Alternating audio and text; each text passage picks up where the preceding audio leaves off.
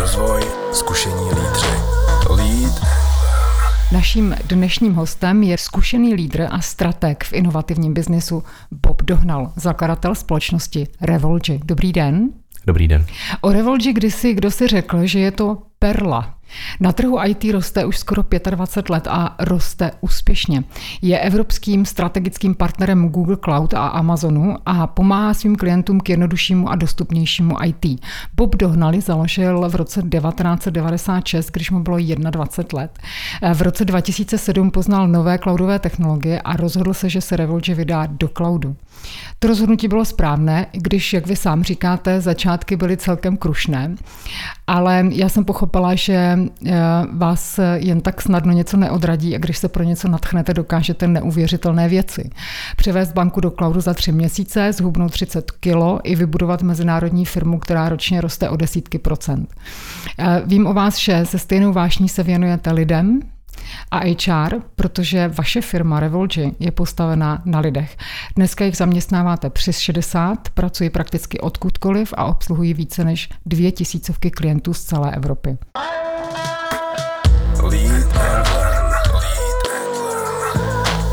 Co jste se naučil ve škole a používáte doteď? Ve škole jsem se naučil nezdávat se.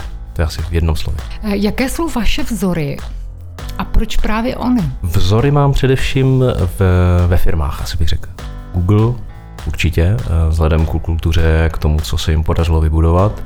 Amazon, eh, vzhledem k tomu, eh, jak, řekl bych, obchodně orientovaní jsou. Netflix pro jejich inovativnost, to je prostě taková moje ikona. A takhle bych asi uzavřel. Kdybyste nebyl tím, čím jste, čím byste byl? Já, když jsem byl malý, tak jsem chtěl být policistou. Kdybyste měl říct, čím jste inspirativní vy pro ostatní? Já se hrozně rád chválím a hrozně rád o sobě mluvím, jako, že vidím všude příležitosti, co se dá zlepšit, ale asi to nezdávání se, taková ta, ta houževnatost a vytrvalost. Když klopítnete, o jaké moudro nebo o jakou osobní zkušenost se můžete opřít? Odstup. To znamená podívat se na tu danou věc, na ten událost, příběh, cokoliv je to prostě klopítnutí, eh, podívat se na to s odstupem, s nadhledem a nechat se příliš zatáhnout do těch emocí. Čím je pro vás vzdělávání a učení? Životním posláním, smyslem. Člověk se učí celý život, eh, od eh, doby, kdy se narodí, až do konce svého života. A mělo by to tak být. Bez, bez poznání, bez učení nemůžeme zlepšit svět kolem sebe ani sami sebe.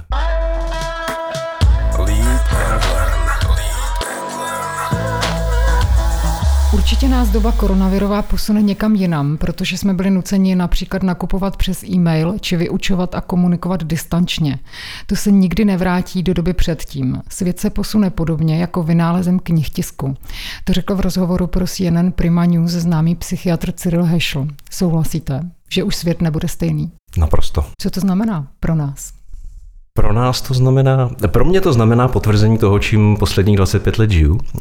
Takže to je eh, asi jako mm, takové, že bych jako eh, poplácání po rameni, ale pro, eh, pro svět, pro všechny kolem nás to znamená, že prostě je potřeba ty digitální technologie a ten online přijmout, uvědomit si, jak fungují, naučit se je používat a naučit se je využívat ke svému prospěchu. A to je určitě výzva pro uh, řadu lidí a řadu firm. Výzva pro řadu firm to určitě je. Jsou, uh, potkáváte se vy třeba s tím, uh, že by změny v technologiích odmítali, řekněme, už je ta starší generace ajťáků? Určitě. To je, já bych, no, asi, asi jo, asi je to tak, že odmítají tu změnu. I když samozřejmě, když jim to takhle jako nastavíte zrcadlo, tak s tím budou budou, eh, budou to rozporovat, nebudou s tím úplně souhlasit, řada z nich. Ale eh, já myslím, že to je téma, které platí pro řadu jiných oborů úplně stejně. Člověk se naučí nějakou kompetenci, nějakou kariéru zahájí a pokud v té kariéře je 10-15 let, tak má tendenci prostě u toho setrvat a eh, nechce se mu příliš jako věci měnit. A v řadě oborů ta dynamika není tak rychlá, ale v tom IT, v tom digitálním světě je ta dynamika obrovská. To, co jste se naučila před deseti lety můžete z větší části zapomenout, nějaké základní principy pořád platí, ale eh, je potřeba se neustále jako učit nové věci. A nejen z pohledu toho, jak fungují, ale i z pohledu toho, jak je vlastně do té praxe můžete vnést a jak je budete v praxi používat a jak z toho může firma profitovat a jak to celé propojíte. A to je, to je výzva jak pro, řekněme, neajťáky, tak pro ajťáky úplně stejně. Já se na to ptám, protože když se řekne ajťák, tak si asi většina z nás představí toho mladého chlapce v tričku. Ale vlastně i asi v tomto oboru už dochází k výměnám nebo změnám generací. Na co by se právě v téhle souvislosti měl moudrý personalista připravit? Já teda si myslím, že, to, že toho ajťáka si řada lidí představí i jako, řekněme, eh, v pokročilém věku, eh, v tričku, eh, mírně při těle třeba a v sandálech. Jako a takže, takže to není jenom prostě, že musí být nutně jako mladý, že prostě když jako dělá IT a ITák, tak je mu prostě 19, 25 nebo něco takového. Jaký budou ti, nebo jaký jsou ti noví lidé? Určitě platí jedna věc. Řada firm, zejména pokud jsou to firmy, které jsou na trhu delší dobu, tak eh, musí pracovat s tím, že mají uh, IT, řekněme, uh, již starší generace, teď nemyslím lidi, ale myslím to IT jako takové ty technologie, a potřebují mít eh, lidi, kteří je umí ovládat a umí s nimi pracovat. A stejně tak potřebují eh, mít IT pracovníky nebo obecně zaměstnance, kteří umí eh, pracovat a ovládat ty nové technologie, když to takhle rozdělím. A jednu z chyb, kterou bych určitě nedělal nebo snažil bych se jí vyhnout z pohledu personalistů, je soustředit se čistě na ty nové technologie, protože to vás může dostat do takového jako lokinu, takového paradoxu, kdy vlastně jako máte sice nové lidi, máte nové technologie, ale v té firmě vám drhnou jakoby základy, protože je máte postavené na starých technologiích. Takže tyhle ty dva světy eh, je potřeba skloubit. Řada ajťáků dělá to, že eh, tu svoji pozici, jak si brání přesně přes ty staré technologie, že to know-how nikomu nechtějí moc předat, nechtějí to nikoho naučit. Oni taky ti noví ajťáci se, ty, ty nové generace, ty staré věci moc učit nechtějí, protože si říkají, k čemu mi to bude a tak dále. Eh, existují firmy, které nadnárodní velké koncerny, které eh, mají ty core systémy, takové ty úplně, na kterých jako stojí vlastně celý ten biznis z 60. let. A do dneška je provozují. A je to jejich obrovská bolest. A oni to vědí a říkají prostě, co budeme dělat, až prostě to nikdo nebude umět. A mají ten core systém prostě z roku 65, 68 a kdykoliv v něm mají udělat úpravu, tak je to nejrizikovější událost v té firmě za celý rok. Protože když se to nepovede, tak se to prostě nepovede a ten dopad je pak obrovský. Takže, takže tyhle ty dvě věci je potřeba umět skloubit.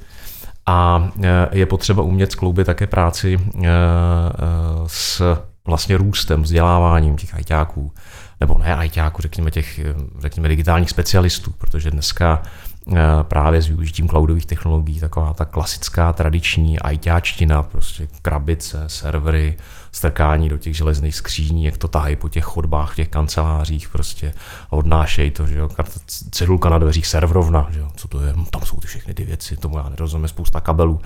To už dneska s tím cloudem uh, mizí velmi rychle. Uh, tohle všechno přebírají velké, uh, velcí cloudoví poskytovatelé a e, takže není potřeba úplně znát tuhle tu úplně starou klasickou ITáčtinu, ale je právě potřeba umět e, rozvíjet a pracovat s těmi lidmi uvnitř z pohledu těch nových technologií. To znamená, není to o tom, že ITáka přijmu a je, je vyřízeno, je to úplně stejně jako v jiném oboru, musím pracovat na tom jeho jako neustálém vzdělávání. My jsme začali tím, že svět už nebude eh, stejný jako předtím. Technologie vstoupily, vtrhly do našich životů a budeme se s nimi muset naučit pracovat. Znamená to třeba, že právě i ti ajťáci se budou muset naučit lépe komunikovat se zbytkem té firmy a vysvětlovat? Já bych řekl, že to je z obou stran. Ten... Že ty zaměstnanci prostě nechtějí poslouchat ajťáka? No ne, tak oni ho nechtějí poslouchat, to jsou uh, takové ty vtípky, že jo, něco mi nešlo na počítači, ajťák přišel, něco žbrbala pod fousy, dvakrát se zatočil na židli, odešel a ono to fungovalo. No, takže... Eh, vypni, zapni. Vypni, zapni, ty mají pohled prostě na, ty, na tu technologii, na, na ten digitál mají tento pohled. E, ajťáci mají zase vtípky jakoby na tu druhou stranu, že jo, říkají tomu problém mezi židlí a klávesnicí. E, prostě když jim něco nejde, tak prostě aby to nepojmenovávali, že si za to může člověk sám a tak dále. To, co je potřeba říct a hlavně uchopit v rámci těch firm, je ta synergie těch dvou světů, protože to je to je to, co dělá digitalizaci, digitalizací a digitální transformace, tak jak se mu říká, je přesně o tom, že umím využívat digitální technologie k transformaci toho, jakým způsobem přistupuji k zákazníkům, jakým způsobem svoje služby dodávám a zejména to, jakým způsobem generuju nové digitální příjmy, to znamená nový, nový revenue a nové zisky pro tu společnost, pro tu organizaci. A to se nestane bez synergie těchto těch dvou světů. A jsou firmy, které, které mají IT jako nákladové středisko a vlastně s každým rokem se snaží ty náklady minimalizovat a berou to tak jako tak máme nástroj, aby jsme byli efektivnější, ale nic víc v tom nehledají. Eh, ale ta biznisová část té firmy je přesně ta, která musí přijít s tím, jakým způsobem se to IT využije, ty digitální technologie.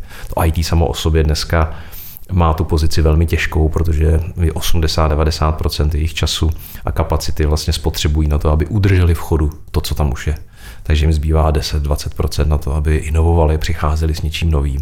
A to není v jejich silách. Takže když mám pod sebou třeba obchod, eh, eh, lidské zdroje, marketing, měla bych to být já, od koho vyjde ten impuls, aby IT začalo něco v té firmě měnit. No jo, jak se mám přestat IT bát? Začít. nejsem ajťák. Začít, to je... To a nevzdávat je, se. A nevzdávat se, začít a nevzdávat se. A hlavně eh, já se často setkávám s, takovou, s takovým eh, jako postojem typu eh, já nejsem na techniku, to je pro někoho jiného, prostě zavolejte ajťáka, Karel ten tomu rozumí, ale já ne, přede mě, přede mě to vůbec nedávejte, já když na to šáhnu, tak se to celý rozpadne. A já jsem zaznělo na začátku v tom IT poměrně dlouho a mě se tohle nikdy nepotvrdilo a nevěřím tomu. Já jsem vždycky zažil lidi, kteří tohle to tvrdili, ale když si, když si prošli prostě nějakým, ať už tréninkem, change managementem, změnovým řízením, naučili se s těmi věcmi pracovat, pochopili, jak fungují a přestali se jich bát a přestali říkat sami sobě tuhletu, tuhletu větu, tak vlastně zjistili, že nekoušou, a já vždycky říkám, že počítače chybují a technika chybuje úplně stejně jako lidi, protože lidi vytváří. Takže za každým tím tou chybou, kterou tam vidíte, nebo pokud se chová něco jinak, než byste čekala, že se chovat má, tak můžete jednoduše eh, najít přemýšlení toho člověka, který na druhé straně seděl a vytvářel to, jak se to bude chovat. Ať už je to Apple, Windows, Google, cokoliv jiného, tak prostě eh, zatím jsou všude lidi, kteří to vytváří. To nevyrábí žádná inteligence z jiného vesmíru, to prostě jsou eh, lidi jako my z masa a kostí se stejnými chybami. Takže přestat se bát. Dobře, tak přestat se bát a přestat sám sebe stresovat myšlenkami, mně to nejde, já na to nejsem a nevzdávat to, hlavně to nevzdávat. Vy říkáte, že pro Revolči jsou důležití lidé. To vlastně říkají všechny firmy. Jak je to u vás? Proč jsou lidé důležití? Já myslím, že to říkají všechny firmy, protože eh, to tak ve skutečnosti je, protože řada těch firm prostě stojí a padá na lidech, kteří to vytváří. I ty počítače, o kterých jsem hovořil, to může vypadat, že Eh, Google nebo Apple jsou eh, virtuální firmy, eh, které skoro nemají nikde žádnou fyzickou prezenci tak pořád jsou v nich desetitisíce, tisíce lidí, kteří všechny ty věci, které od nich používáme, vytváří a musí je, musí je navrhnout a musí je dát do provozu, vyrobit a tak dále. Takže to platí a u nás ve firmě je to vlastně úplně stejně. Já velmi věřím v lidi jako takové. Já možná až idealisticky věřím v to, že Eh, každý člověk je dobrý, každý člověk eh, má potřebu eh, věci zlepšovat, posouvat se, být spokojený sám se sebou, pomáhat lidem kolem sebe. Nikdy jsem nežil v situaci a nemyslel jsem si, že lidi jsou jako přirozeně zlí, že prostě chtějí dělat nějaké příkoří. A ve stejném duchu vlastně se snažím, aby fungovala Revolgy a fungovala fir- kultura v naší firmě. To znamená, u nás vlastně lidi dostávají příležitost, dostávají prostor pro to, aby na sobě mohli pracovat, aby mohli na sobě pracovat způsobem, který je synergický s posláním firmy a to, co se, o to, o co se v Revolgy snažíme, to znamená dodávat a pomáhat těm firmám k jednoduššímu a smysluplnějšímu IT, když to řeknu takhle ve dvou slovech. A to je to, proč, proč jsou pro nás lidi důležití, eh, protože pouze přes lidi my můžeme vytvořit vlastně novou a lepší Revolgy, nový a lepší eh, služby, produkty pro naše zákazníky a tím ve finále pomoct těm zákazníkům v jejich podnikání a v jejich fungování. Vy jste zmínil firmní kulturu. Eh, vaši lidé mohou pracovat vlastně odkudkoliv a kdykoliv. Jak eh, právě v tomhle prostředí, kde ti lidé pracují vzdáleně, pracují v cloudu, udržet, tvořit firmní kulturu? To je dobrá otázka, děkuji za ní a je to samozřejmě nesmírně těžké. My jsme do toho modelu plně vzdáleně, jako fully remote, jak my tomu říkáme, work from anywhere, jak eh, se to říká v angličtině, vlastně přešly s letošním rokem. My jsme, když přišla první vlna lockdownu, tak jsme udělali takové rozvolnění, můžeme pracovat odkudkoliv. My už předtím jsme měli, jako pokud někdo chce, tak může pracovat jakby z domova nebo něco, ale furt prostě lidi měli pořád tendenci chodit do těch kanceláří, protože prostě byl to spíš zvyk, když jsme o tom diskutovali, proč a co je do těch kanceláří táhne, tak z toho ve finále vyplynulo, že to byl víc zvyk než cokoliv jiného. Že jsou takto prostě jakoby zvyklí na učení, že mají v hlavách takto ten přeci pracovní svět jako funguje jakoby vlastně jiný svět jako většina těch lidí jakoby neznal. A takže my jsme s, prvním, s první vlnou eh, lockdownu udělali mm, takové větší rozvolnění, říkali jsme to prostě jak kdo chce. A e, pak když přišla druhá vlna, tak jsme říkali, ale ono to vlastně jako funguje, žádný velký problém to nepřineslo.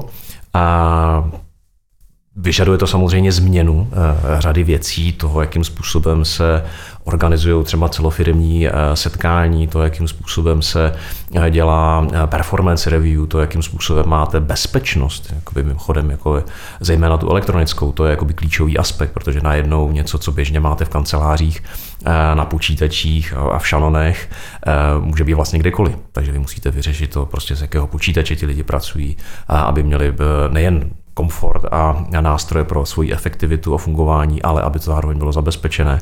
A je potřeba vyřešit to, pokud jsou v různých časových zónách, což se nám, což se nám také děje. Takže tohle to jsou všechno věci, které my se učíme. Zase jsme u toho učení, u toho vzdělávání. Velmi se inspirujeme u firm, které, které v tomto modelu už fungují, jako je třeba InVision, jako je, jako je Toggle, což je, uh, tuším, estonská firma, která dělá právě software pro řízení týmů a je kompletně on remote od svého vzniku, takže ty jsou remote uh, už řadu let. A učíme se to, uh, nedávno jsme měli celofirmní offsite, a byl online. Jak to vypadalo, takový offsite v online? My jsme byli, já i s kolegy z vedení jsme byli velmi zvědaví, měli jsme řadu jako témat, jak by to mohlo vypadat. Ehm, nechali jsme lidi u nás, ať vytvoří vlastně to téma, jak to celé má jako fungovat a co poběží. A e, my máme řadu kolegů, kteří nejsou vlastně v Čechách nebo v Praze, ale jsou prostě distribuovaní v tom regionu, který my obsluhujeme, nebo kde máme zákazníky, kterým říkáme B2B ve smyslu Baltics to Balkán, takže celý ten pruh jakoby té střední a východní Evropy. Takže ti vlastně přišli s vlastními nápady a jak to zrealizovat a bylo to, myslím si, že to bylo neuvěřitelně hezké. Byl jsem překvapen sám, kolik těch věcí se dá na tom firmním offsiteu, který je kompletně remote, vytvořit. Samozřejmě jsme ho nedělali normálně, klasické offsitey jsme dělali třeba jedno, dvoudenní, Eh, tak, eh, tak v téhle dálce to udělat nejde, protože držet lidi eh, před tou obrazovkou prostě x hodin nejde, to nikdo nevydrží. Ale měli jsme 20-minutové bloky, měli jsme tam i jakoby trenéra online vlastně, který nám v nějakých sešnách ukazoval, jak si máme procvičovat jakoby tělo a tak dál, takže prostě na obrazovce já jsem viděl svých jako 30-40 kolegů, kteří tam prostě Cvičili si procvičovali, běhali a, a, na místě a dělali různé dřepy a kliky a podobné věci a, zároveň si z toho odnesli nějakou praxi, pokud pak prostě během dne eh, pracujete a, sedíte prostě doma nebo prostě v místě, kde, kde normálně bydlíte, tak eh, nemáte tolik toho přirozeného pohybu, který je klasicky vyvolaný tím přesunem do kanceláře, to znamená jdu do kanceláře, tak mám nějaký pohyb, v kanceláři se pohybovali jste doma, přejdete z ložnice do obýváku, tak to úplně velká vzdálenost není, takže ten pohyb trochu chybí a e, proto my jsme vlastně i do toho programu Offsiteu zavedli e, tento vlastně prvek, takže e, řada zaměstnanců a kolegů a doufám, že si to tak odnesli a snaží se to praktikovat, cvičí a dělají, dělají tyhle věci. Ale je to samozřejmě těžké. Já nechci, aby to vypadalo, že my máme všechno vyřešené z pohledu kultury. Je tam řada výzev, jak z pohledu toho, jak se k tomu staví firma a týmy a tým lídři, tak ale především samozřejmě z pohledu jednotlivců eh, v té firmě, protože to je obrovská, jako řekněme, challenge nebo výzva se s tím umět jakoby popasovat se všemi těmi aspekty, které vám to jako jednotlivci přinese. Když jste zmínil, že vlastně ten offsite byl postavený hodně na nápadech a návrzích vašich kolegů, vašich zaměstnanců, um, vy také říkáte, že se v Revolži o kompetence nežádá, že se kompetence berou. Souvisí to spolu a co to vlastně přesně znamená? Tak tohle je, eh, tohle je věc, kterou jsem se naučil eh, od jednoho z našich zákazníků Petra Beneše v rámci eh, projektu České spořitelny, který jsme převáděli na Google Cloud. A pro mě je to jedno z těch klíčových věcí, kdy já se snažím, aby si lidé uvědomili, zejména lidé u nás ve firmě, že ty příležitosti leží před nimi. Ne, samozřejmě není jednoduché, ono to řekne, tady je ta příležitost, leží na ulici, to slýcháme jako celý život, že stačí ty věci zvednout a je to jako jednoduché, ale eh, ono to tak ve skutečnosti není. Pro řadu těch lidí eh, je to skutečně jako výzva se umět o něco přihlásit a o něco si vzít protože ten vzdělávací systém tomu úplně nenahrává. Takže, takže teprve, když přijdou do, do pracovního procesu, tak najednou zjistí, že se od nich očekává velmi jiný přístup, než který zažívali v rámci, v rámci vzdělávání tradičního školství. A takže, takže to, že ta příležitost tady existuje, je jedna věc, ale takové to poňoukání, kdy, eh, kdy si musí ty lidi uvědomit a oni to u nás ve firmě zažívají, že když si o tu příležitost vezmu, řeknou, vezmou si tu kompetenci a nečekají, až jim to někdo přidělí nebo až na ně někdo mávne, teď máš běžet, tak uh, zažijou takové, řekl bych, Teď jsem to zažil no, předevčírem u několika kolegyň, kdy jsme řešili nějaký projekt a byli tak trochu jako nerozhodní u těch věcí a čekali, jestli prostě jim tým lídr řekne nějakou jako radu, kudy se vydat nebo něco takového. A ta rada nepřicházela zcela záměrně a oni nečekali. A vlastně jakoby chopili se toho eh, jednoho z těch mých kred, prostě jakoby nečekat a zvednout se a jít. A chopili se těch věcí sami a pak, když jsem s nimi o tom mluvil, tak z toho byli vlastně jako nadšené. Říkali, jo, vlastně jako to není tak těžký, jenom se člověk musí přestat bát a chytit tu věc a jít dopředu. To asi předpokládá i dobře vzdělané manažery, protože na jedné straně já se můžu chtít chopit nějaké výzvy a když je nade mnou někdo, kdo mě tam nepustí, tak mě to bude bavit možná jednou, dvakrát, pak už asi ne. Co děláte pro to, aby, aby ti manažeři vaši byli takový? Děláme pro ně mm, vlastně velmi podobně to samé, co děláme pro zaměstnance. My se snažíme pracovat s řady technikami. Máme třeba mm, takzvané Gallup testy, Gallup talenty, to znamená vyhodnocení, kdo má jaké talenty eh, silné, slabé, rozvinuté, nerozvinuté a tak dál a e, snažíme se sestavovat ty týmy a ty tým lídry tak, aby věci byly zájemně kompatibilní. To znamená, pokud je někdo silný strateg a e, má třeba menší, jak se říká, koncovku, to znamená tu, tu exekutivu jako takovou, tak se snažíme ty týmy a ty tým lídry nakombinovat tak, aby se vzájemně těmi talenty doplňovaly. E, to je jedna věc a zároveň, aby si uvědomili, jaké ty talenty, v čem jsou dobří a v čem nejsou dobří. Ono to extrémně pomáhá potom komunikaci v těch týmech, komunikaci mezi těmi lidmi, protože když víte, že někdo je víc, eh, jak se říká, eh, jakoby posluchač, to znamená, potřebuje ty věci vstřebat a teprve pak může na ně jakoby reagovat a někdo naopak eh, umí reagovat z patra, tak pokud se dva lidi toho, tohohle typu potkají a nevědí to o sobě, tak si nejsou schopni povídat. Protože ten jeden mluví a očekává okamžitou odpověď a ten druhý neumí odpovědět, protože na těmi věcmi potřebuje nejdřív přemýšlet. A, a dokud to o sobě ty lidi nevěděli, my jsme s tím letím začali zhruba před dvěma lety. A pokud to ty lidi o sobě nevěděli, tak vlastně neuměli pojmenovat, proč jim ta komunikace nefunguje, proč ty projekty drhnou, proč prostě uh, vůči tomu zákazníkovi uh, se ty věci neodvádí v té kvalitě, v které bychom všichni chtěli. A když prostě jsme prošli všichni ve firmě tímhle tím a pracujeme, my na to máme vyškolené, vyškolené kauče interně, a prošli jsme tím, tak no vlastně jeden z těch, eh, jednu z těch věcí, kterou používáme, je, že každý člověk, když do firmy nastupuje, tak má, tak vytvoří takový návod sám na sebe. Takový prostě, jak se mnou pracovat a jak se mnou komunikovat. A eh, to extrémně pomáhá tomu, aby jak ty tým lídři, ty manažeři, tak prostě ty zaměstnanci jako takový spolu uměli komunikovat a uměli spolu víc vstříc. Když pracujete s výsledky Gallup testů a stavíte na tom vlastně týmy, máte na tom třeba postavené i interní vzdělávání, kromě teda jenom těch interních koučů, které jste zmiňoval? Určitě ano, určitě ano. E, je to věc, která má dopad. Ty, ty, ty Gallup testy jsou víc do těch, řekl bych, jako soft skillových dovedností. To znamená spíš do té, do té měkčí části.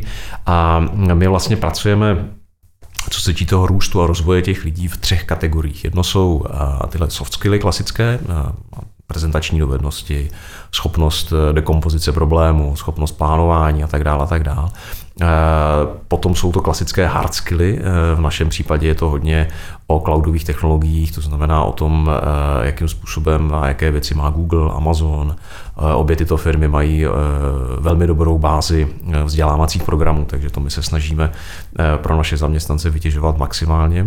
A třetí je jakýsi osobnostní kulturní rozvoj, řekl bych. To znamená, a tam ty galupy pomáhají, pomáhají také velmi to má pochopit uh, sám sebe, to je jeden z těch prvků, a, nebo poznat, řekl bych sám sebe, Eh, jeden z těch prvků emoční inteligence, to znamená nejdřív umím rozpoznat sám svoje emoce, eh, pak jsem schopen s nimi pracovat, pak jsem schopen je ovládnout, pak jsem schopen prostě to rozpoznat u druhých lidí. Takže v této v rovině ta práce s těmi lidmi a využití galupů je samozřejmě nesmírně užitečné. Vy si vlastně vybíráte lidi do toho svého týmu, řídíte lidi už víc než 25 let, tak eh, co je pro Boba důležité, co já musím umět, jaká musím být, abyste mě vzal k sobě do party? Nejdřív si musíme rozumět, eh, ono se tomu říká jako chemie, tak říká, musíme si jako chemicky sednout, ale to je takový jako, eh, jako neuchopitelný. Já jsem velmi, řekl bych, takový pragmatický jako člověk, tak když hm, tu věc neumím rozebrat a pojmenovat jako funkční model, a je to taková jako chiméra, tak se mi s tím jako strašně špatně pracuje, což je možná v řadě věcí problém, protože ne všechny věci jdou, řekl bych, jako rozebrat. Ale e, ta chemie pro mě znamená to, že si rozumíme a máme sladěné nějaké, nějaké osobní hodnoty. E, v případě e, spolupráce dvou lidí, týmové hodnoty, firemní hodnoty. To znamená, u nás v Revolgi je ten fit s těmi hodnotami firmy a s tím důvodem, proč vlastně Revolgi existuje a co přináší zákazníkům, je na prvním místě. Protože u nás ve firmě ty, ty tvrdé dovednosti, ty kompetence kolem cloudu a kolem řízení změny, práce s lidmi, to všechno jsme schopni eh, lidi naučit a velmi rádi do toho investujeme, protože věříme, že to je investice do budoucna a že pokud se na tom obě strany eh, setkají, tak eh, z toho umí každá si odnést svůj jakoby výtižek, takzvaný win-win scénář. Ale ten, ten, ten fit na těch, na těch hodnotách je, řekl bych, úplně jako mandatorní. Když nebudu v souladu s hodnotami, vychováte mě nebo mě vyměníte?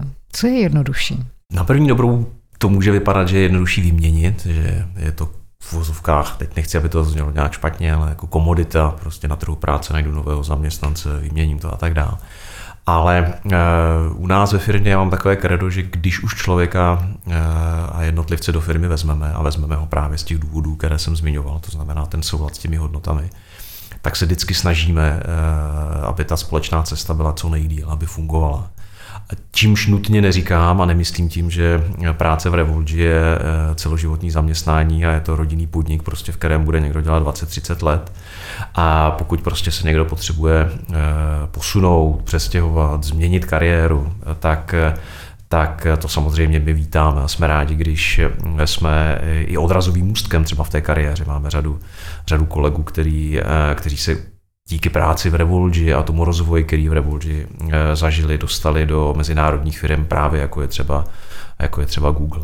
Takže eh, neuměl bych asi odpovědět na otázku, co je snažší. A může to vypadat, že je jednodušší, když jsem zrovna nespokojený s někým, tak řeknu dost, prostě nemá to cenu, prostě vyměníme ho, propustíme člověka najdeme někoho jiného. Ten ten problém vyřeší, to bude mnohem jednodušší.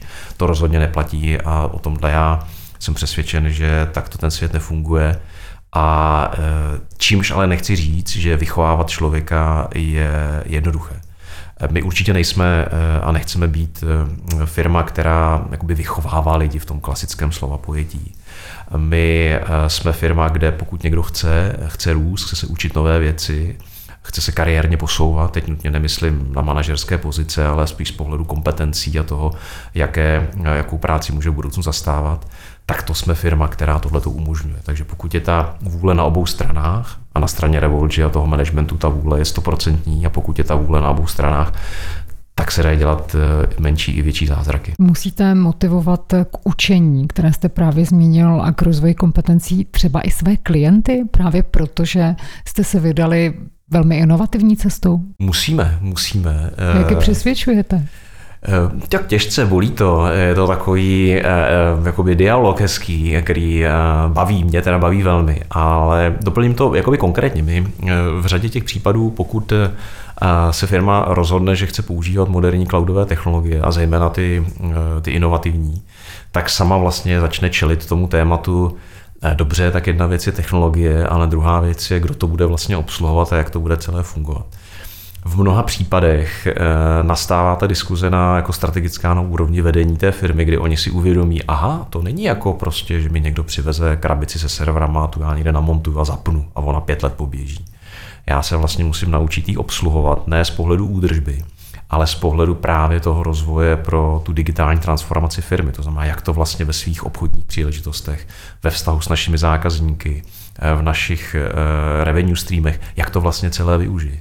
Takže si uvědomí, hm, tak na jedné straně to musíme naučit náš IT tým, jak se s tím pracuje, co to znamená, ale na druhé straně musíme naučit eh, i náš jako obchodní tým, náš marketingový tým, náš produktový tým, co ty technologie dneska obnáší jak se s nimi dá pracovat, jak ji využívají jiné firmy v těch obchodních modelech, co z toho my můžeme eh, adoptovat. Můžeme přijít s něčím úplně inovativním, prostě co ještě nikdo jiný nepřišel, můžeme to vyzkoušet a začít s tím pracovat. Takže eh, to vzdělání na straně těch zákazníků, ta potřeba toho vzdělávání eh, je enormní a možná si to řada firm neuvědomuje, nebo prostě se tomu jakoby vyhýbá, nebo s tím neumí pracovat. Možná se v minulosti párkrát spálili s firmním vzděláváním a teď nevědí, jak do toho kousnout a přijde jim to jako vyhozené prostředky, což se někdy může stát, pokud proškolíte lidi, kteří ve skutečnosti nemají fit s tou kulturou firmy a i s tím posláním a pak vám prostě odejdou, no tak to jste skutečně ty peníze jako eh, ty odešly. Ale eh, je potřeba jakoby zkoušet a pracovat s tím znovu, učit se ty modely toho firmního vzdělávání a nebát se do toho investovat. A je to to nejlepší, do čeho ta firma může investovat. Vy jste vlastně změnili směr ve firmě po nějakých 11 letech, když jste se v roce 2007 vydali tou cestou cloudu. Kolikrát jste takhle v té firmě směr změnili a e, co vlastně to vyžadovalo po těch vašich zaměstnancích? Jak oni zvládali tu změnu? Asi dobře, když pořád tak dobře fungujete a rostete. Těch změn jsme museli dělat několik. Tím, že jsme na trhu dlouho, e, tak e, ten trh se vyvíjí, ty zákazníci se vyvíjí, ty potřeby se vyvíjí. Já nemyslím si, že bych byl nějaký jako vizionář, spíš myslím, že že ty věci, na které jsem eh, vsadil, o kterých jsem byl přesvědčený, se, se potvrdily a beru to víc spíš jako štěstí, než to, že bych věděl, jak to bude. A nikdo jako do budoucnosti nevidí, takže, takže z tohohle pohledu to mám víc v kategorii, jako trefil jsem se.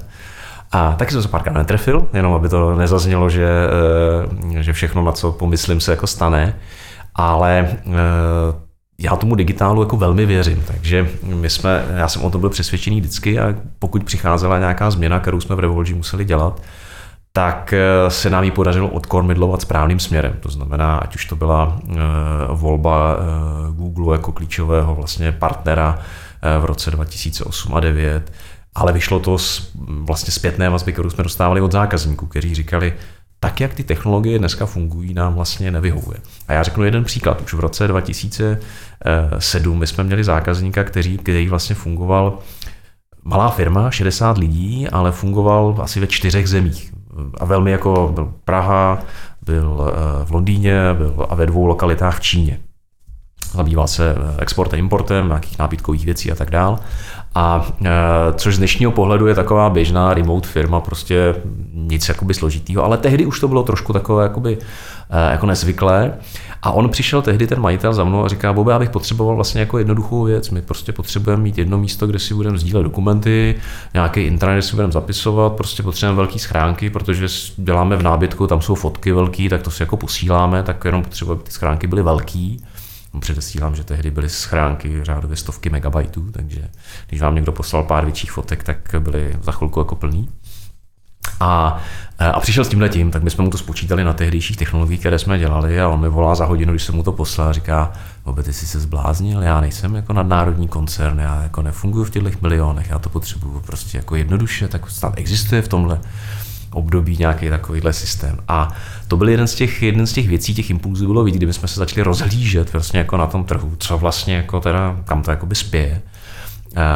A vlastně jsme si uvědomili, že řada těch věcí, které těm klientům říkáme a děláme, tak to je, co to má dělat, je vlastně hrozně zastarala. Já jsem si v těch spousty těch věcí uvědomil, říkám, ty ale takhle jsem to dělal v 96. Jako je 2007 jako někde asi trošku jako chyba. Někde jsem přehlédl nějakou odbočku, pro které jsem se měl vydat jako a tak dále.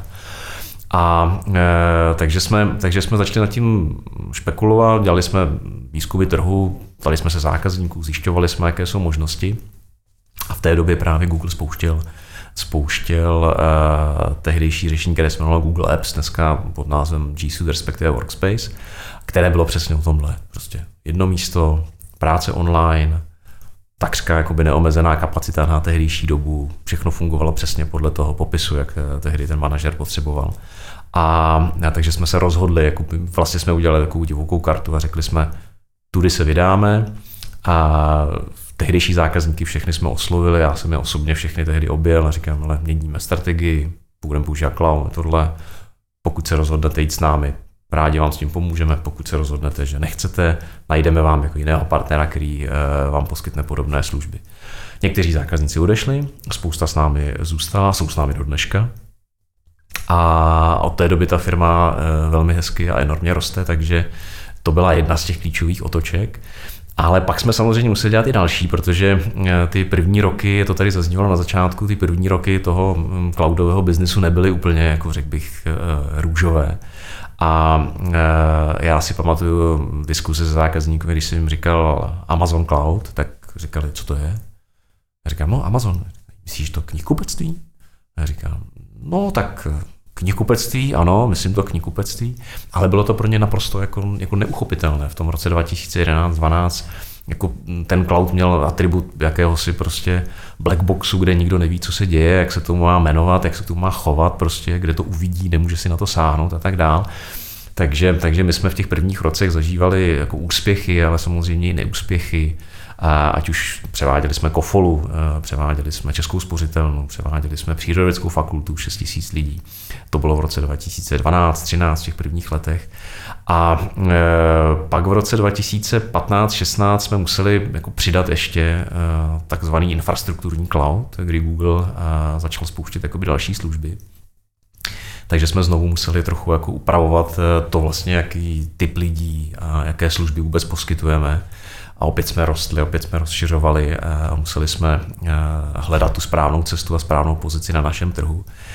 A s tím byla spojena jedna důležitá změna a to je, to je eh, vlastně pochopit, uvědomit si, že ta příležitost neleží primárně v České republice nebo jenom v České republice, ale že to je mezinárodní biznis.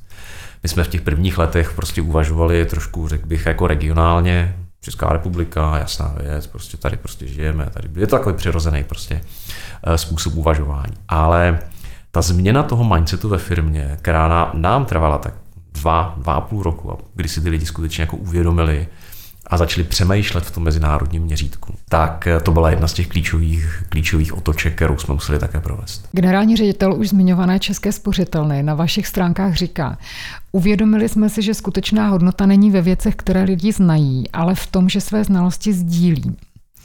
Ovšem sdílet znalost znamená, že se ti lidé mohou připravit o svoji výjimečnost. Není to tak? Potkáváte se s tím, že se třeba lidé bojí sdílet své znalosti, aby nepřišli o svoji hodnotu na trhu práce? Potkáváme, potkáváme. Je to, je to, je to prostě praxe, řada lidí to tak to má. Nemyslím si, že to dělají cíleně, nemyslím si, že to dělají jako cíleně, vědomě, že by takto přemýšleli a takto uvažovali, ale v praxi se to, v praxi se to děje ale myslím si, že jsem přesvědčený i z naší, z naší zkušenosti, že vlastně opak je pravdou. Ono totiž to, že někdo ví, má to know-how, jak se ty věci můžou dělat nebo jak se mají dělat, ještě neznamená, že je schopen je dělat. A, tak znamená, jedna věc jsou znalosti, know-how, knowledge a druhá věc jsou dovednosti, že to umím dělat. YouTube je dneska, já vždycky dávám příklad k tomuhle kachlíkování, plaštičky prostě v koupelně. YouTube je toho plný. Takže by si každý mohl myslet, jasně, zajedu si do Hornbachu, koupím si kachliky, na YouTube si pustím video a vykachlukuju si koupelnu. No, tak ať si to zkusí. No, to je vlastně jako nerealizovatelná záležitost. Když si to, když si to člověk vyzkouší, a jakoukoliv věc, kterou toho najde na YouTube, si pustíte eh, Gordona Ramsayho, jak dělá steak, no tak prostě si na to koukáte a říkáte si, no tak to je brnkačka, koupím si steak, zítra si to udělám a bude to prostě v pohodě, neuděláte, nebo respektive zkusíte a, a pohoříte ty, ty dovednosti eh, se získávají až praktikováním těch znalostí. To znamená, jedna věc je znalost, druhá věc je dovednost a jenom v té kombinaci ještě k tomu patří třetí věc a to je motivace. Musíte mít motivaci ty věci dělat, ať už vnitřní nebo vnější. Tak jenom kombinací těchto těch věcí a skutečně tu hodnotu z toho můžete získat. Takže a musíte těch stejků eh, udělat prostě desítky, stovky, abyste věděla, jakým způsobem vlastně přesně, v jakých niancích a detailech to samé, to samé káva, když se někdo rozhodne, jasně, prostě naučím se dělat kafe. Ono ten ve finále není tak jednoduché. Je tam spousta aspektů, které to ovlivňují. A je to v každém oboru, je to v každé věci. Eh, je potřeba umět prostě ty věci praktikovat, dělat je a jenom tím opakováním a tou praxí se vlastně vytváří něco, čemu řada lidí říká talent. Pak když to vidíte v finále, jak to celé funguje, a tak si říkáte, ten dělá ty stejky, ten na to má talent. Když se ho zeptáte on vám řekne, no já už jsem jich udělal stovky, tak každý uděláš stovky jako já, tak budeš mít stejný talent. Je to těch 10 tisíc hodin, které vedou k mistrovství. Přesně tak. A vy hodně zmiňujete učení a je to pro vás zjevně velmi důležitá věc a vy sám jste v roce 2019 absolvoval eh, master program v oblasti designového myšlení na MIT. A proč jste si vybral právě design thinking? Design thinking je způsob uvažování nad řešením problému nebo navrhováním řešení, jinak řečeno obráceně. A e, on je to pro mě jedna z takových těch životních filozofií, a, protože rozdíl mezi designem a umění je v jedné konkrétní věci. Umění a, dělá e, umělec pro sebe, podle sebe. Design dělá podle uživatele, podle toho, pro koho to dělá. V tom je zásadní rozdíl. Pokud designuju židly, tak ta židle musí fungovat, musí se na ní dobře sedět, musí se těm uživatelům líbit. Eh, prostě pokud na ní vydržíte pět minut, neudělal jste dobrý design židle. Ale pokud maluju obraz a maluju ho podle sebe, tak prostě pokud se těm lidem líbí, tak je to spíš jako řekl bych vedlejší efekt. Protože ve chvíli, kdy začnu dělat obraz podle toho, jak aby se to těm lidem líbilo, tak ve skutečnosti nedělám umění, ale dělám design. A uh, design thinking je uh, technika toho, jakým způsobem uh, přicházet s řešeními, které uh, adresují potřeby těch uživatelů, kteří daný problém žijí. Ať už jsou to zaměstnanci ve firmě, ať už jsou to kolegové, ať už jsou to zákazníci, ať je to kdokoliv kolem vás, design thinking můžete aplikovat. A myslím si, že řada lidí ho jakoby podvědomě dělá. Ona to není, ona to není, jak se říká, rocket science, to není jako vědecká metoda to je jakoby přirozené eh, seřazení jakoby myšlenkových kroků, jenom je spíš pojmenované, tak aby lidé, kteří ho eh, nedělají přirozeně, jako, jako třeba já, proto jsem se ho šel učit, protože jsem chtěl vědět, že ho dělám skutečně jako systematicky, tak eh, pro ty ta metoda je určená, aby se mohli a naučit, jak ty věci posloupně dělat. Ale řada těch lidí to dělá přirozeně. Kdybyste měl právě třeba designové myšlení použít na tu oblast řízení lidí nebo na vzdělávání, děláte to? A jak se na ně díváte? Děláme to, děláme to. Tím prvním krokem v případě e, designového myšlení je e, pochopení té potřeby toho problému, který jdete řešit. To je vlastně krok jedna. A e, tady je samozřejmě nesmírně důležité rozumět lidem, které ve firmě máte, které máte v týmu. Proč tam jsou? I proč, tam, proč by tam nechtěli být třeba? A co v životě chtějí? Eh, teď nemyslím celoživotně, ale minimálně z pohledu eh, té kariéry, prostě, jak poznají, když prostě budou ve firmě 3-4 roky, otočí se zpátky, co chtějí, co si chtějí sami říct prostě, jo? co chtějí, jak chtějí vyhodnotit, že ty poslední tři roky strávené zrovna touto prací bylo to, co, Eh, to, co eh, očekávali, to, co je naplnilo. A eh, nejde o to stavět nějaké složité vzdušné strategické zámky nebo něco takového, ale jde o to primárně tu diskuzi mít. To znamená, ať už ten vnitřní dialog sám se sebou, anebo i ten dialog, dialog v té firmě. To znamená, tohle je první krok a pokud tomuto začnete rozumět a víte, jaké lidi ve firmě máte, jaké lidi máte v týmu, jaké mají talenty, jaké mají cíle, kam by se chtěli dostat, tak vůči tomu můžete samozřejmě potom designovat celý ten, ten personální systém, celý ten systém práce s lidmi. Eh, ať už, ať už od eh, náboru těch lidí, jaké lidi vlastně eh, hledáme, jakým lidem můžeme co nabídnout, aby se to vzájemně potkalo, přes jejich rozvoj ve firmě, to znamená, jakým způsobem se o ně staráme, jakým způsobem my vytváříme podmínky pro jejich růst, co mohou prostě, kam se mohou dostat. A pak samozřejmě i ta třetí věc, která má v těch odborných, ta třetí fáze, pro jakoby ex-zaměstnance, pro ty, které odešly. A to je ta věc, kterou jsem zmiňoval, ten odrazový můstek. A já mám vždycky nesmírnou radost, pokud, eh, a teď to bude znít jako možná divně, ale pokud za mnou přijde kolega a řekne, eh, eh, já chci z firmy odejít a řekne mi, že odchází někam, kde je to jasný posun v té jeho osobním rozvoji. A to znamená, že přišel kolega, mimochodem můj, můj dlouholetý kamarád a přítel a říkal, podcházím, jako půjdu do Google, tak já jsem byl nadšený. Říkal, super, to je prostě jako, jako skvělá, to, to, my jsme tě, s náma si byl prostě 6 let teď si se rozhodl, prostě máš příležitost jít do Google, super, jsem maximálně spokojený. Neočekávám a určitě to ve firmě nemáme nastaveno, takže prostě jednou nastoupí do Revolgy, vždycky zůstane v Revolgy. Takhle by to uh, u nás fungovat nemělo.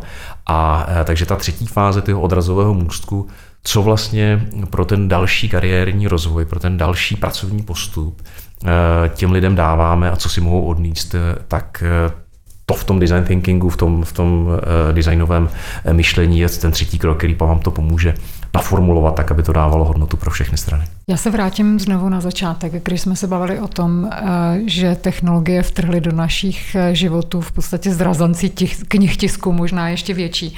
Na jedné straně nám obrovským způsobem pomáhají, to asi tady nemusíme rozvádět jak.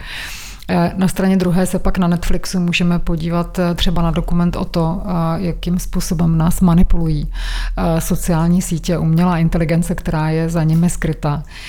Přináší nám technologie podle vás do života víc svobody nebo ne? Já jsem přesvědčený, že ano. Ale stejně jako ve všech ostatních věcech všeho moc škodí. A je potřeba, tak jako jsou lidé závislí na kouření, na alkoholu, na cukru, tak uh, mohou být stejně tak závislí na, na sociálních sítích, uh, můžou být stejně tak závislí na hraní her počítačových, můžou být workoholici. A jestli jsem workoholik jako ve v tom fyzickém sedím v kanceláři a přirovnávám šanony, nebo tím, že pracuji u počítače, furt je to nějaká forma jakoby závislosti na té dané věci. A, takže a je potřeba s tím umět pracovat, je potřeba umět e, to rozpoznat, umět e, si u toho, od toho udržet odstup, umět nekonzumovat tu danou věc. Sociální sítě, e, technologie nejsou výjimkou. Ale současně platí, že věci, které jste zmiňovala, umělá inteligence a sociální sítě, jakým způsobem s námi mohou manipulovat, zase zatím jsou lidé. To znamená, jako lidé vytváří ten systém s nějakým cílem, s nějakým účelem. Takže eh, neřekl bych, že jsou to ty sociální sítě, které nás, eh, které nás eh, manipulují, ale že jsou to lidé, kteří na ně dávají ten obsah a s nějakým cílem a s nějakým záměrem. To, že k tomu využijí nástroj sociální sítě a nepoužijí k tomu noviny nebo letáky, jak to dělali přes 40-50 lety, nebo 30, abych to zase jako, tak jako nepustil do minulosti, je jenom prostě dané době, tak dřív byl revoluční eh, knih tisk, už jsme tady o něm několikrát dneska tady zazněl a spousta lidí vůči tomu brojila, že přeci nemůžeme takhle jako umožnit šíření těch znalostí. Stejně tak byla, eh, se omazovalo, kdo smí číst, kdo se to smí naučit prostě a tak dále, to když půjdeme hodně do minulosti a tak dále. Čili eh, spíš bych vždycky hledal tu příčinu, ten problém v té lidské stránce, nikoli v tom nástroji nebo v té technice. Vy jste eh, CEO velmi úspěšné firmy, kterou jste sám založil. Když se netrefíte, jak jste zmínil, jak se zachováte? Jak to vlastně přiznat nebo zastavit, aby ta firma nešla špatnou cestou? Dialog. Dialog a důvěra. Eh, to jsou eh, dva aspekty, na kterých já stavím. To znamená, a možnost toho dialogu a otevřeného dialogu uvnitř, uvnitř té firmy. A nejen uvnitř té firmy, ale i e, se zákazníky, s investory, s akcionáři, s zaměstnanci pochopitelně, a kteří vám můžou prostě tu zpětnou vazbu dát a, a je potřeba umět jí naslouchat. Jak jste se toho naučil? Jak umíte naslouchat a přijímat zpětnou vazbu, když je kritická? No těmi předcházejícími chybami. Jo, když eh, zjistíte, že eh, člověk udělal, nebo já jsem udělal řadu chyb a, a přitom mi to lidi říkali a pak jsem si to uvědomil, říkám, ty, ale ty si prostě jenom jako nenaslouchal. Jako. A eh, ta zpětná vazba, anebo vůbec jakoby toho, když vám někdo něco říká, tak já jsem na to na LinkedIn napsal takový krásný článek, nevyžádaná, zpět, nevyžádaná rada která je, eh, to, mě, to je jako uvědomění pro mě bylo velmi, velmi důležité, protože eh, lidi přichází a říkají vám radu, když si o ní neříkáte. A eh, většina lidí, řada lidí, má tendenci takovou radu jako ignorovat. Prostě, protože v ten moment prostě to nevnímá jako téma, které by potřebovali řešit. Ale já jsem se naučil nějakou sebedisciplínou, pokud, pokud opakováním a trénováním, když si člověk uvědomí, a zase mi někdo minulý týden něco říkal ty si zase neposlouchal nebo nenaslouchal, tak e, jsem se naučil prostě naslouchat, to znamená poslechnout si to, zamyslet se nad tím, a chvilku nad tím přemýšlet a teprve pak si říct, jestli to je relevantní, není relevantní, ověřit si to třeba prostě diskuzí, že se zeptáte třech, čtyřech dalších lidí, jak to vidí oni. A tahle ta práce jakoby se s nevyžádanou radou je jedna z těch věcí, která mi v tomhle velmi pomáhá. Vy jste v nějakém rozhovoru řekl, že v Revolži existuje kolektivní úspěch a kolektivní vina, e, jako ve fotbalovém mužstvu. Platí to pořád? A jak to vypadá? Já doufám, že to platí pořád a, a, a i to tak vnímám. Vypadá to tak, já nejsem, nejsem zastánce, říkal jsem to na začátku, když jste se mě ptala na ty vzory, nejsem úplně eh, zastánce, eh, řekl bych, jako eh, one-man show, ikonických lídrů, kde jeden muž či žena mm, vlastně jsou nositelem vlastně veškerého úspěchu, případně neúspěchu. Protože každá firma je jako soukolí desítek, stovek, tisíců lidí, a potřeb, funkcí, zákazníků a tak dále. A e, to, že jeden člověk stojí za úspěchem jakoby celé firmy, určitě neplatí. Stejně tak nestojí za, za chybou nebo, nebo e, neúspěchem té firmy. Takže my se vždycky snažíme, e, abychom ve firmě v tomto duchu o těch věcech hovořili, a abychom do, toho, do té diskuze, do toho rozhodování, a abychom o tom uvažovali, přemýšleli kolektivně a abychom si všichni uvědomovali, jakým způsobem naše rozhodnutí mají dopady. A a máme takový, takový jako, řekl bych, téma, které si často, často připomínáme, kdy uh, se říká taková, takové přísloví, které říká, že nejosamělejší člověk je CEO firmy. Generální ředitel firmy je vlastně nejosamělejší člověk, protože on už za sebou nikoho nemá. On nemá za sebou nikoho, za kým může jít a říct, s touhletou částí já si neumím poradit, musí to vyřešit někdo jiný. Já kdybych se zvednul a řekl, přišel za akcionářem a řekl prostě, tohle neumím vyřešit, to musíte vyřešit vy, tak oni mi řeknou, tak samozřejmě, my to taky umíme vyřešit, tak když asi nezvládáš svoji funkci, tak eh, my ti najdeme někoho pomocníka nebo něco takového, ale za mě to samozřejmě řešit nebudou. A a platí to ve většině firmách, ve větších firmách, kdy CEO se říká, že je jako nejosamělejší člověk.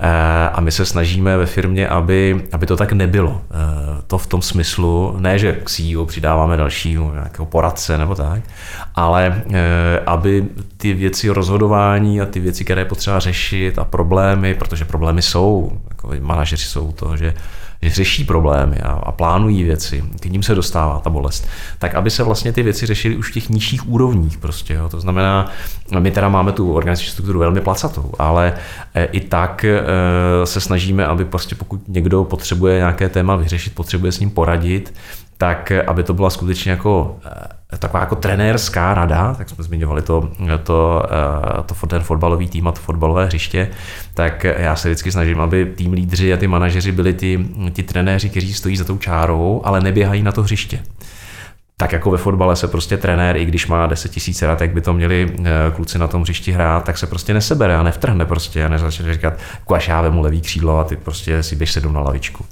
A, a je potřeba, aby, to, mm, aby takhle u nás ve firmě to fungovalo, u nás to takhle funguje, aby se o tom, o tom mluvilo, eh, aby to, té tým, aby to lidé v těch týmech slyšeli, věděli, že se to od nich očekává, to znamená za A tu příležitost mají, a že to bude na nich a zároveň mají tu odpovědnost.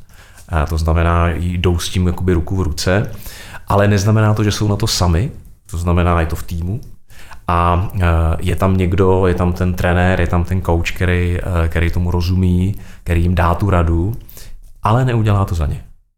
To znamená, musí vědět, e, jak ten svět a ta kultura v Revolži funguje. Kam vy sám chodíte pro inspiraci, pro nové myšlenky, pro nové nápady? Já je vnímám neustále všude kolem sebe.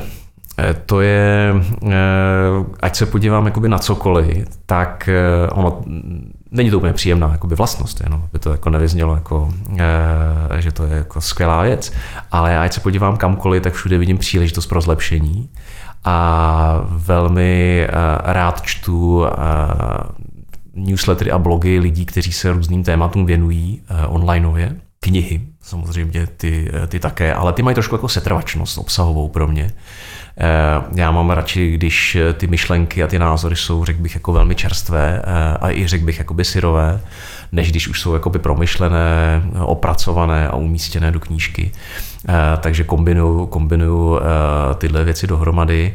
A je to samozřejmě v tom online, to znamená, ať už jsou to YouTubeová videa, ať už jsou to blogy, newslettery, kde lidé, kteří nějaké téma řeší a zajímá je, tak vlastně publikují ten momentální myšlenkový stav, který kolem toho má. Když to člověk sleduje nějakou dobu, tak vidí ten posun, vidí to, jakým způsobem přemýšleli, vidí to, jakým způsobem eh, to, co nefunguje, vlastně jako vyřadili, eh, kde udělali chybu, jak se z ní naučili a tak dále. A to jsou pro mě jakoby inspirativní věci. Rok 2020 byl rokem, který nás vlastně tlačil ke změnám. Co si myslíte, že bude důležité v roce 2021 pro to, aby jste vy jako firma zůstali úspěšnými a rozvíjeli se dál? Pro nás příští rok bude prvním rokem, kdy budeme stoprocentně online a remote. Nebo online jsme pořád, ale stoprocentně remote. Takže to je, to je eh, ta největší, jako řekl bych, výzva a zapojit všechny lidi. My ten tým budeme významně rozšiřovat, rozšiřujeme ho pořád. A a ale ten remote, to, co nám přinesl ta, ten, ten posun do toho remotu, je, že nyní vlastně tu náborovou strategii měníme, rozšiřujeme, že už můžeme vlastně nabírat lidi odkudkoliv ze světa. A to znamená možnost oslovit ty talenty kdekoliv na světě, jako výrazně mění celé to paradigma fungování organizace. Protože pokud je, předtím jsme pracovali na přehrátém IT trhu eh, v Praze a v České republice eh, a fungoval ten trh tak, že prostě lidi se stěhovali za dobrou prací do Prahy a tak dále. Ale ten příští rok eh, si myslím, že v tomhle smyslu bude velmi jiný, jak pro Revolgi, tak pro ostatní firmy. Možnost prostě oslovit ty talenty kdekoliv na světě a, a možnost i lidí, lidí, který dneska máme, a já to slyším reálně od našich, od našich kolegů a kolegyň, kdy oni eh, říkají, já už vlastně jako nemusím být eh, v Praze a kupovat si v Praze předražený byt, jenom proto, abych měla jakoby dobrou práci. Já můžu tu dobrou práci, kterou v Revolži dělám, eh, dělat odkudkoliv, nejen z České republiky, ale odkudkoliv ze světa. Takže máme kolegy, kteří se prostě odstěhovali zpátky do Krušných hor a fungují z Krušných hor a jsou nadšení, protože prostě uh, mají rádi přírodu a vyhovuje jim ten region, kde se narodili a nemusí se stěhovat do Prahy kvůli, kvůli uh, jakoby dobré práci a dobré mzdy. Takže ta výzva, která nás příští rok čeká, bude přesně rozšířit to, umět pracovat s talenty eh, minimálně z evropského regionu, potažmo celosvětově a umět pracovat s těmi talenty, které už uvnitř máme a rozvíjet je v těch, těch dovednostech, těch nových dovednostech, které se budou, které, bude, které budou muset získat, což je přesně ta práce odkudkoliv, komunikace ve virtuálních týmech, sdílení informací a performance review, všechny věci, které jsou s tím spojené. Říká zakladatel a předseda představenstva společnosti Revolči Bob Dohnal, který rozhodně na tom manažerském vrcholu není sám, protože je obklopen svými kolegy. Já vám držím palce, aby se ty výzvy, které jste zmínil, v příštím roce naplnily a moc děkujeme za váš čas a děkujeme za to otevřené sdílení. Já děkuji za pozvání, děkuji za otázky a budu se těšit někdy v budoucnu. Hezký den. Lead and